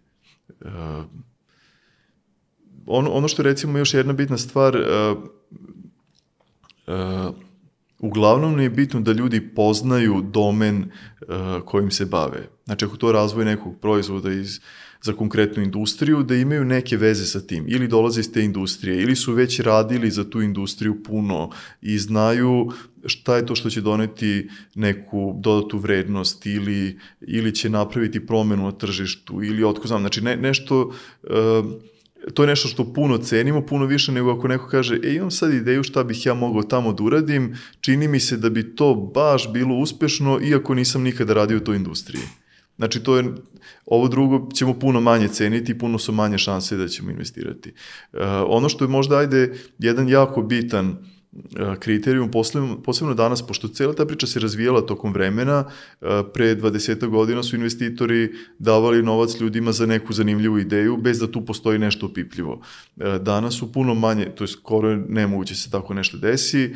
Idealno je da ljudi već imaju potvrđeno da, da tržištu treba to što žele da prodaju. Znači, to, to se eh, na zapadu zove product market fit, to je da se vidi da, da tržištu treba to nešto i spremno je da plati. I to, ja, ja često kažem eh, mladim ovaj, preduzetnicima eh, da ne moraju stvarno da razviju proizvod i da da ga spreme za tržište i da onda odu da ispitaju da li, da li će neko biti spreman to, to plati ili ne. Uh, uvek, mo, ili ne, možda ne uvek, ali u većini slučajeva mi možemo da odemo uh, do nekog potencijalnog klijenta i da mu prodamo to nešto i da kažemo, na primer, kažemo, evo, razvili smo takav i takav proizvod. On radi to i to, imali biste takve i takve benefite. Uh, Sada smo u završnim fazama testiranja, pripreme i tako dalje. Proizvod će biti na tržištu za, ne znam, šest meseci. E, sad u ovom momentu, e, kao jedni od prvih klijenata, ćete dobiti, ne znam, 50% popusta ili šta već. 70% popusta, nemam pojma, šta god. I znači, ako, ako i pored toga niko nije spreman da plati i da kaže, ok, evo, ovaj, meni to treba i ja sam spreman da platim i iskoristit ću taj popust, onda pitanje kolike su šanse da to stvarno uspe kasnije kada ovaj, ti to razviješ i tako dalje. Ako tu neće da se obaveže... Ako tu neće se obaveže, da. Mora, mora da bude nekih ljudi, znači mora da bude oni koji... Ali ne oni koji kažu, e, pa mi bismo to koristili već, nešto konkretno što Da, kažeš ni, slučaj, da... ni slučajno to mi bismo koristili. Ima, verovatno znaš za onu knjigu The Mom Test, Da. ovaj, to, to je onako ogromna greška da sad ja tebe pitam, je šta misliš Vladimire o ovome što sam ja razvio ili razvijam, mislim, Super svako ćeš mi reći, super ti ideja, ajde samo napred ili šta već. E, znači, ali ako ti kažeš, e, ok, ajde, kupit ću to od tebe i rado ću krenuti to da koristim za šest meseci. Znači, to može bude i, ajde, evo, ovaj, potpiši sada, e, dobit ćeš, ne znam, prva tri meseca besplatno ili nešto, ali mora čovek da, Da se da, da obaveže. se obaveže na neki period i da se stvarno vidi da će potrošiti novac. Da to ne bude samo verovatno bih, možda bih, sviđa mi se i tako dalje. Tako da eto, to je, to, To, je si, recimo... to si lepo objasnio, znači da na ideju se ništa ne dobije, na prezentaciju takođe, već da se ima nešto opipljivo i nešto konkretno čime može da se dođe pred investitora. Pa i idealno da smo to stvarno na tržištu proverili. Znači, idealno da smo proverili na tržištu i da to stvarno ovaj, funkcioniše. Kad pričamo o tim startupima, je li uslov da se gađa inostrano tržište, to jest koje je mnogo veće, da nije lokalnog karaktera startup? Jeste imali neki karak, a, startup lokalnog karaktera? Jesmo, jesmo. E, nama trenutno jeste to jedan uslov. E, trenutno, ne, nisam potpuno isključiv, ali trenutno nam nisu zanimljivi startupi koji su fokusirani samo na lokalno tržište. E, imali smo recimo jedan, jedan zanimljiv preduzetnički poduhvat sa jednom partnerskom firmom, e, smo napravili proizvod pre puno godina, možda 7-8, proizvod koji je e, pratio šta se o nekom brendu e, piše ili govori e, na web sajtovima, društvenim mrežama, e, blogovima, forumima i tako dalje. I e, ta kompanija koja nam je bila partnerska imala jako dobru mrežu klijenata ovde u Srbiji, e, tako da smo za neko kratko vreme dobili značajan broj klijenata. Otprilike rekao bih da smo u tom segmentu pokrili, to jest dobili možda polovinu najboljih kompanija u Srbiji, domaćih i stranih.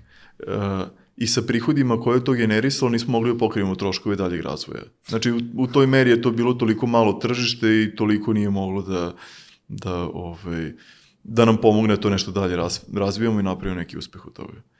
Tako da sad u, ovo, u ovom momentu gledamo isključivo firme koje su fokusirane na, na strana tržišta, to jest idealno na globalno tržište. Kad savjetuješ sad osnivače startupa, šta im kažeš da ne gledaju, znači domaći ili samo domaće tržište za potvrdu, validaciju, Tako je, znači može za, može za potvrdu, ali, ali e, isključivo da se od prvog dana proizvod e, dizajnira tako da bude za globalno tržište. Ne samo proizvod, nego ceo biznis da se postavlja tako da bude za globalno tržište, ali validacija na lokalnom i, i početak neki na lokalnom jeste u redu svakako. Slušao si mnoge prezentacije, mnoge pičeve, gde vidiš da osnivači startupa najviše greše? Jel vidiš neku očiglednu grešku koja se ponavlja svaki, svakim tim razgovorom? Pa ajde recimo možda nešto je karakteristično za nas koji smo inženjeri je to da razmišljamo o razmišljamo o tome iz svog ugla, znači onako da izaberemo tehnologije koje nam se sviđaju, da napravimo tehnički jako dobar proizvod i tako dalje, a manje razmišljamo o tome kako ćemo to Da izneti na tržište i prodati. Znači, to je, to je nešto što često vidim kod ljudi koji su inženjeri i sam sam bio u toj poziciji da spomenuo sam malo pre. Znači, razmišljamo o tehnologijama, super se osjećamo, a ono što je najbitnije ove, zanemarujemo ili mu ne, ne, ne dajemo dovoljno na značaju. E, sad, kod ljudi koji nisu inženjeri, um, ili ajde generalno, uh, šta bih tu izdvojio, možda, možda je glavna stvar ovo potvrda, potvrda na tržištu da je neko stvarno spreman da to plati. A to je nešto što može da se istestira relativno lako u većini situacija.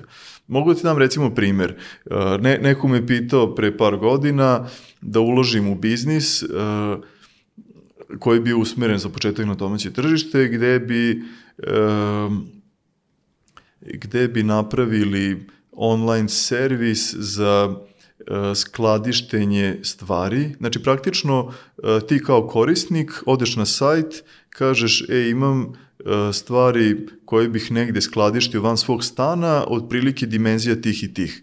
I tebi stigne, stignuti na adresu kutije, ti popakuješ to nešto i umesto da ti zauzima neku sobu, ti pošalješ to negde i to stoji u nekom magacinu do momenta kad ti treba to nazad. I ovaj, čovjek koji me pitao za ovo je izračun koliko tu otprilike treba osnovnog kapitala, ovaj, koliko je potrebno da se zakupi neki magazin, da se napravi web sajt, da se um, kupe, naprave odgovarajuće kutije, da se zaposle ljudi koji će odlaziti, e, kupiti to, nositi, skladištiti i tako dalje. Znači, onako bilo je solidno velika investicija ovaj, u stotinama hiljada evra. Uh, ja sam mu predložio da umesto toga e, angažuje jednog čoveka preko studentske zadruge ili kako god i da taj neko ode do uh, nekoliko ljudi i ponudi im to da, znači praktično on, on sam u stvari da ponudi nekim poznanicima da, da višak nečega uh, skladište negde drugde, a da pošalje tog nekog koga će platiti na sat ili kako već, da ode sa kutijama i obavi ručno, bez sajta, bez ne znam čega, ovaj, taj neki posao. I to je bila skoro nikakva investicija za validaciju te ideje. Ali, to, to, je to, je, to odradio, da, ili... E, nije, nije slađe bilo da, da se napravi sve pa da kažemo da... Pa jeste i ovde, znaš, neko, ideš ka tome, neko će ti dati pare i onda kad dođeš pare nešto ćeš valjda uraditi sa tim. Neko puno jednostavnije ako kreneš iz te perspektive, odem popričam sa nekim, dobijem novac pa ću da napravim to nešto u šta verujem. Nego, puno je teže stvarno... I priznati i validirati. Pa da, da, da. Na taj način. Jedna stvar me zanima posebno, to je validacija. Kad pričamo sad o startupima, posebno startupi koji su još daleko od neke monetizacije a, i uzmemo u obzir validaciju tog, na primjer, nekog startupa i kompanije, na primjer, koja je u servicing biznisu i koja ima realne prihode i validaciju te kompanije. Kako gledaš na, na to? A kako misliš u kom smislu validacije te pa, kompanije? Pa, na primjer, imamo sad uh, startup kompaniju, um, nismo u minusu, trošimo investiciju, dobro, znači dobro. i neka validacija te kompanije, kao koliko sad vredimo i imamo s druge strane isti broj zaposlenih koji rade u nekom servisnom biznisu uh mhm. -huh. IT-a, koji ima realne prihode, možemo sve da, da vidimo, znači zarađuju, uh -huh. sad validaciju ta dva, gde je obična validacija tog startupa koji još je daleko od monetizacije, mm -hmm. prevazilazi Aha, znači, ovaj realan na, biznis. na vrednost, kako, pa kako da. da odredimo vrednost jednog ili drugog biznisa? Je da, da i čini mi se da su, i dosta se priča o tome da su prenaduvane te sad, kažem, mm -hmm. validacije i bolje po, po nekim tim da. merilima da. da ne zarađuješ nego da za tu procenu, nego da zarađuješ, imaš realan biznis koji je isplativ da. i manje vredi taj realan biznis koji zarađuje od nekog startupa, da kažem, koji nema validaciju To jest nema da, monetizaciju. Da. E, pa, ajde, prvo, ovaj, različiti su načini kako se procenjuje vrednost u jednom i drugom slučaju.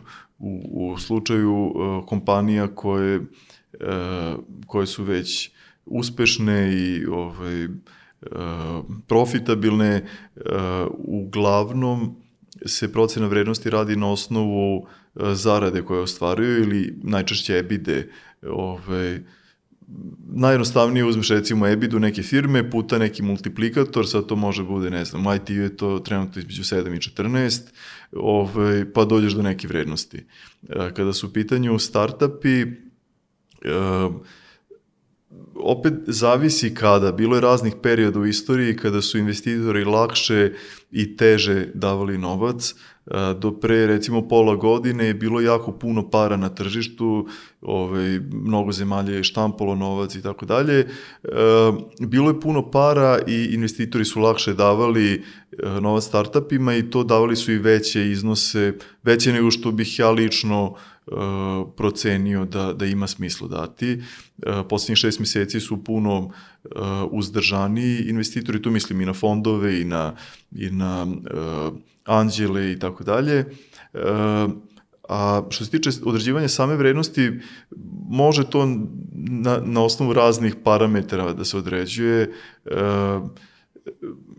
sad opet ajde zavisi od toga da li ima ikakvih prihoda ili nema, ne mora da bude profitabilno, ali može se vidi na primjer koliki su mesečni prihodi. Uzmemo ove, da nema još, da, da nemaju prihode. Da nema nikakve. E, pa možemo na primjer na osnovu e, očekivanih nekih prihoda ove, da dođemo do neke procenjene vrednosti, e, možemo poredeći sa nekim drugim recimo startupima koji su već dobili neka sredstva, Znači, praktično uzme se više nekih kriterijuma u obzir, pa se proceni da li je to što uh, osnivači traže kao investiciju realno ili ne. I, ovaj... Ali i to što si rekao da su bili pre par meseci dosta labavi što se tiče investiranja i da su mnogo lakše davali novac, to je jedno vreme čin, činilo se da su neki startupi dobili previše novca u smislu kad gledaš tu validaciju što si rekao. Da Zato što da, moj, moj lakše. utisak je da su, da su mnogi dobijali više nego što su vredeli u tom momentu.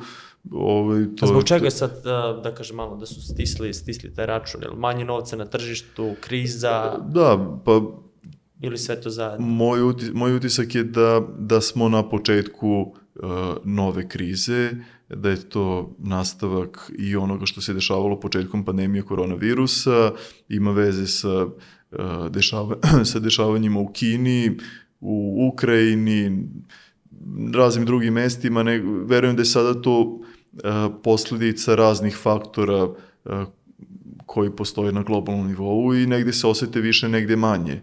Uh, mnogi investicijni fondovi su recimo još pre šest meseci slali startupima koji su već investirali e, preporuke da ozbiljno e, smanje troškove, da, da postanu e,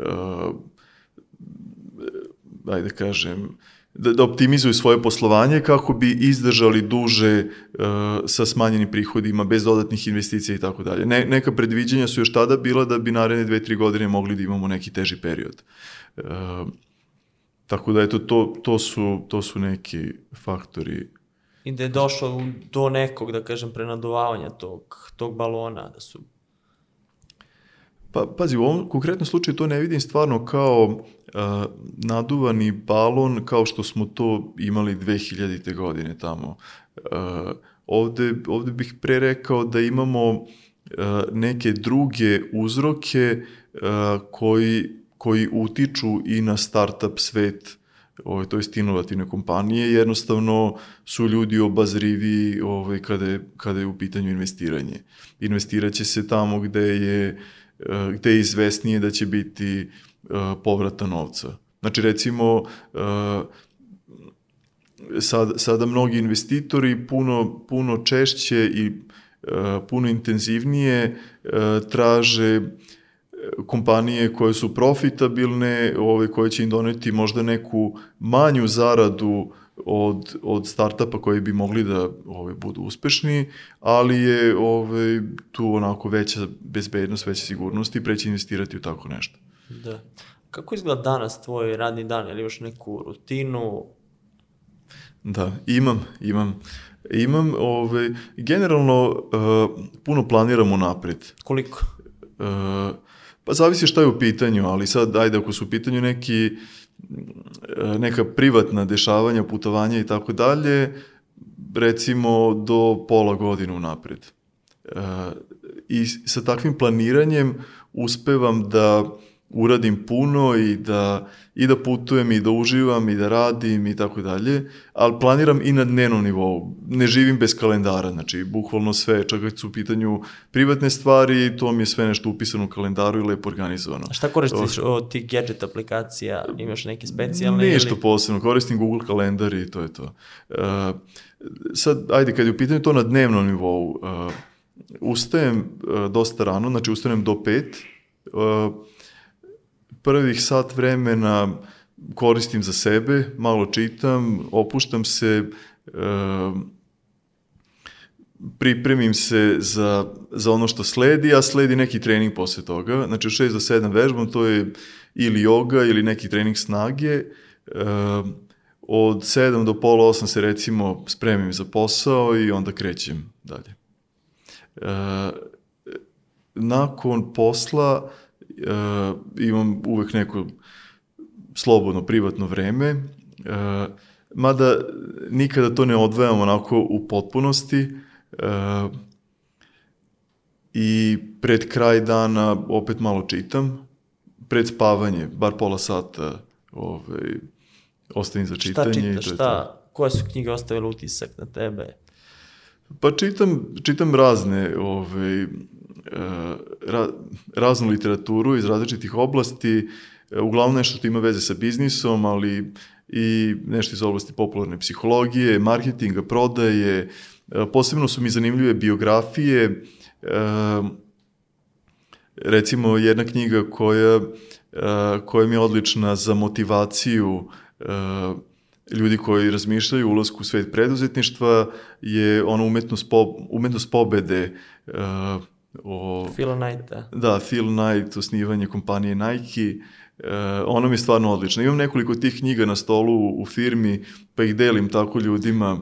Ove, ovaj, to je jedna od njih koju deliš. To, da, da, da. da.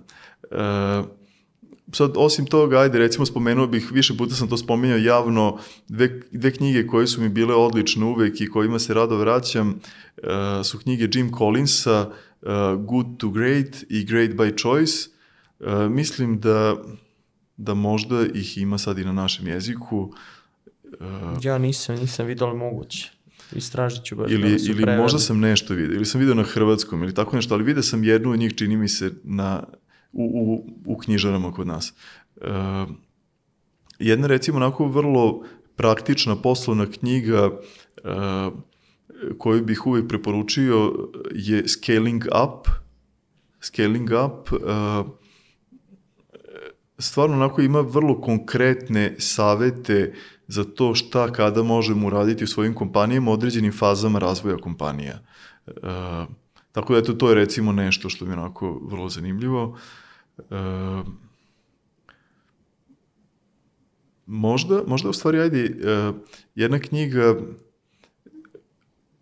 koja može, može onako bude zanimljiva i ljudima koji neće obavezno ići u svet preduzetništva, ali bi moglo da im znači na, na ličnom nivou je uh, najbogatiji čovjek Vavilona, ne znam da li nje ima na našem ima, jeziku, ima. mislim da ima stara ima, knjiga, da, mislim da, da. ona 100 godina stara ili tako nešto, ali i dalje vrlo relevantna, poruke su vrlo relevantne.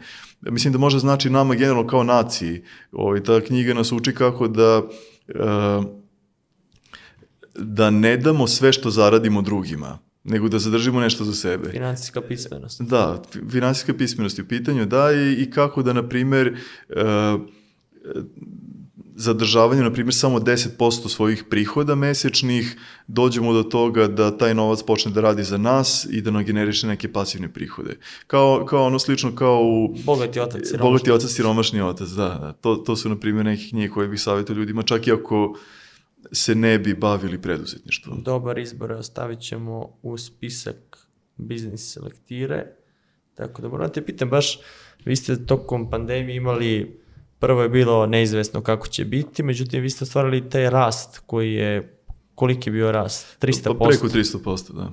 Kako je prvo firma, kako ste spremala za, za taj rast, kako ste uspeli da toliko ljudi ubacite u ceo sistem i da to glatko funkcioniše? Pa, pazi, mi smo stalno u fazi pripreme. Tokom ovih prethodnih 14 godina a, nije bilo momenta da se mi nismo spremali za rast i za uh, za to da iskoristimo neke dobre prilike ove, koje, koje se pojavljaju. A, tako da čak i u tom periodu kada je počela pandemija, kada su nam se smanjili prihodi i tako dalje, mi smo i dalje na razne načine ulagali u razvoj firme.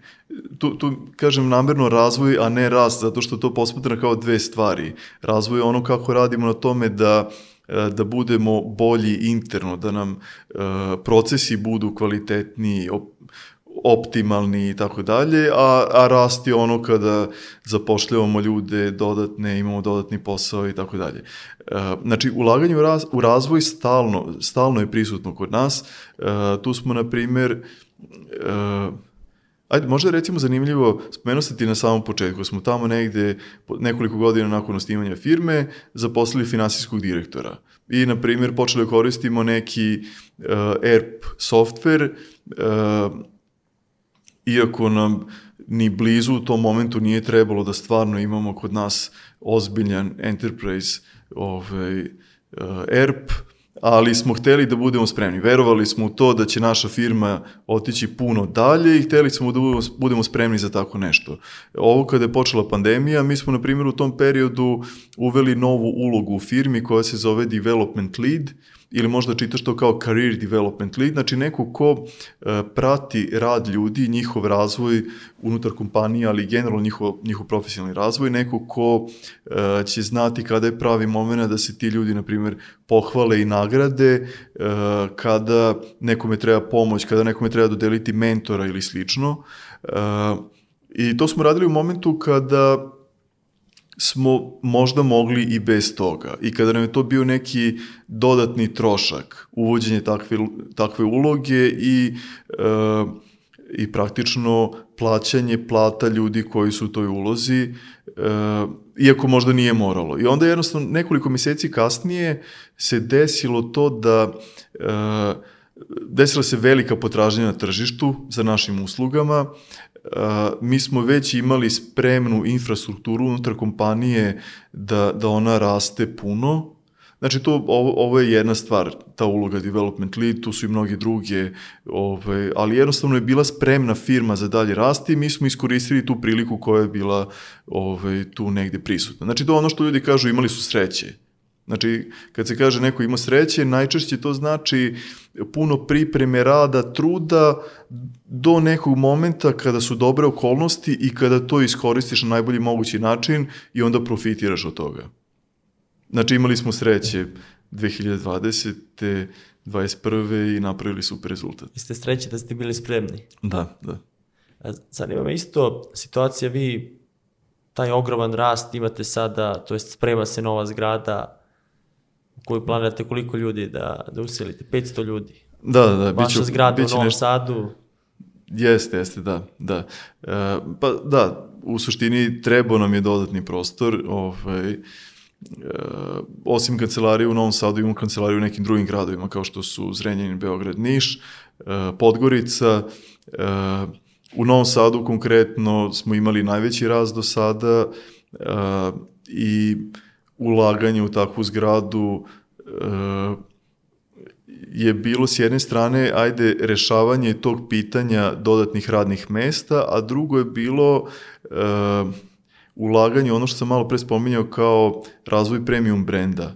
E, zato što naši klijenti kada vide naše prostorije, e, kad, bez obzira na to da li je u pitanju naš prostor ili iznajmljeni prostor, e, dodatno cene to što radimo i dodatno vrednuju to što dobijaju od nas. Tako da e, ulaganje u zgradu vidimo i kao razvoj jedne super vizit karte ove, koje ćemo koristiti u narednim godinama. Uticao na, na vaš biznis a, migracija zbog rata u Ukrajini, došlo je dosta, otvorilo se i ruskih, ukrajinskih firmi u Srbiji, čini se preko hiljadu, dosta a, njihovih stanovnika je došlo ovde, dosta programera, je li uticalo to, jeste prepoznali možda tu neku šansu da, da se iskoristi ta radna snaga ili... E, pa nismo nešto puno stvarno koristili to, ove, te okolnosti do sada, ove, posmatramo to i dalje iz više uglova i vidjet ćemo još u narednom periodu šta, kako, kako će biti. Znači do sada e, nismo imali ni negativne ni pozitivne efekte toga. A što se tiče generalno na, na globalu posla, nakon što, Mhm. što je izbio konflikt, kako je uticao na IT industriju, dosta ruskih firmi ostalo, ukrajinskih, koje su ostali bez posla ili odsečeni, i dosta developera. Ukrajina i Rusija su velike što se tiče developera i je li nastala potražnja neka za, za uslugama U prvom momentu jeste. Znači u prvom- prvom momentu je baš bila onako ozbiljna potražnja uh, i verujem da su to osetile sve firme, većina firmi ovde kod nas. Uh, bilo je onako puno neizvesnosti, nije se znalo šta će biti s Ukrajinom i ovaj, da li će ti inženjeri koji radi iz Ukrajine uopšte biti dostupni ili ne, ali nakon nekoliko meseci su se stvari malo stabilizovale i sada, sada se ne oseti efekat uh, tog konflikta u Ukrajini uh, u tom smislu da ima povećane potražnje. Nekako se to sve dovelo u ne, neku normalu što se tiče ovaj, uh, inženjera koji su dostupni i to je to.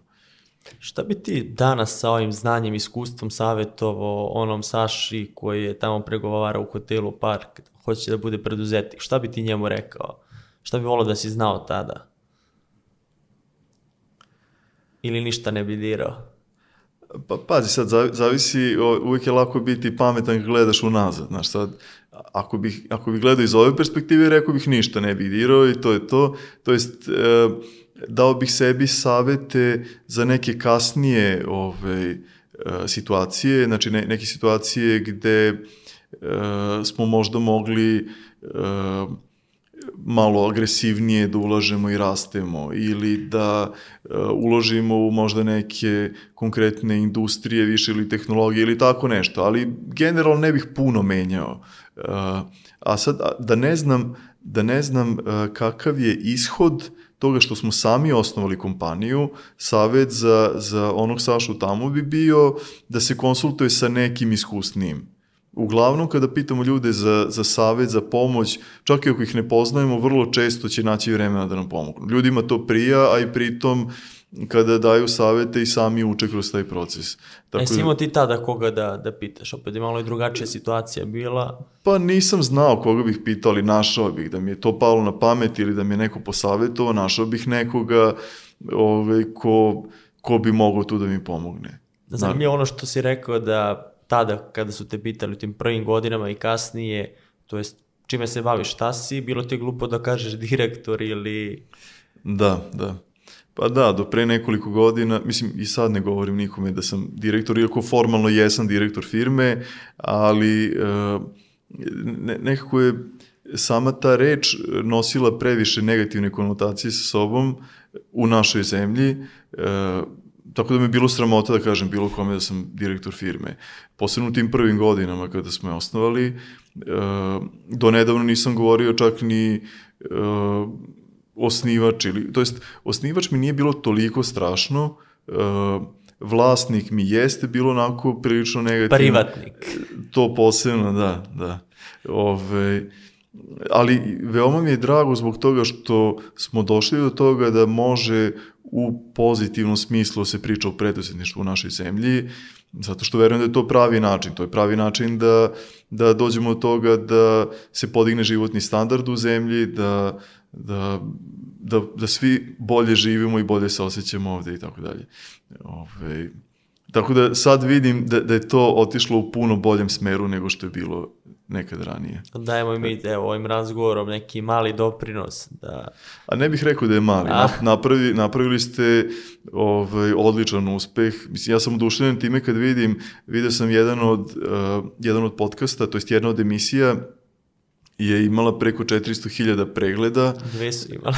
Dve su imale preko 400.000, svaka da, da, da. čast. Svaka čast na tome. Znači, to je, to je ovaj ozbiljan deo populacije naše zemlje je gledao taj podcast, tako da radite odličnu stvar, svaka čast na tome. Sad ćemo, ono, cilj je sledeći milion i 100.000 ljudi da, da prati, tako da je to brojka kad pričamo o Balkanu, generalno celom, da se ljudi zanimaju za, za biznis teme, to je neverovatno. Jest, jest. Tako da evo, mi sad upravo ovim razgovorom dajemo taj doprinos, tako da Saša, hvala ti puno što si bio gost, što si podelio priču o svoju preduzetničku priču, priču o startupu, što si ljudima razjasnio kako izgleda taj startup, jer dosta mladih posebno pita kome ja da prodam ideju, kome da prodam originalnu ideju i onda ovaj uvid u startup kako razmišlja investitor, neko ko je uključen u startupe, mislim da si mnogima olakšao, tako da ako žele mogu da te kontaktiraju na, na LinkedInu i da ti prodaju ideju.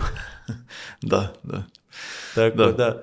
E, hvala tebi što si me pozvao, ovaj, stvarno cenim to što radite i oduševljen sam rezultatima koje ste napravili do sada i samo tako nastavite. Hvala ti Saša, pa se vidimo nekom drugom, drugom prilikom. Kad dođete, šta mi sledeći cilj? Sad ste na 800 zaposlenih, Šta je sledeće? To jest neki ne. cilj krajnji, koji bi ne krajnji, ali... Nema, nema krajnjeg cilja. Nema krajnjeg cilja i dalje uživamo ovome što radimo. Imamo sad tu neke projekcije za naredni period. Verovatno ćemo u naredne 3-4 godine doći tu do toga da nas ima, na primjer, 2500, pa onda idemo dalje i tako dalje. Nema, nema nekog krajnjeg cilja. Ove, ovaj, volili bismo da, da možemo što više da uradimo za zajednicu u kojoj živimo, ove, za to nam treba da budemo još veći, jači, da imamo više sredstava i idemo ka tome. Onda se vidimo na, na sledećem cilju, pa da pričamo ponovo šta smo, šta smo postigli, imamo sad, rekli smo, tako da hvala ti još jedno što si bio gost, Nema a mi se vidimo u narednoj biznis priči.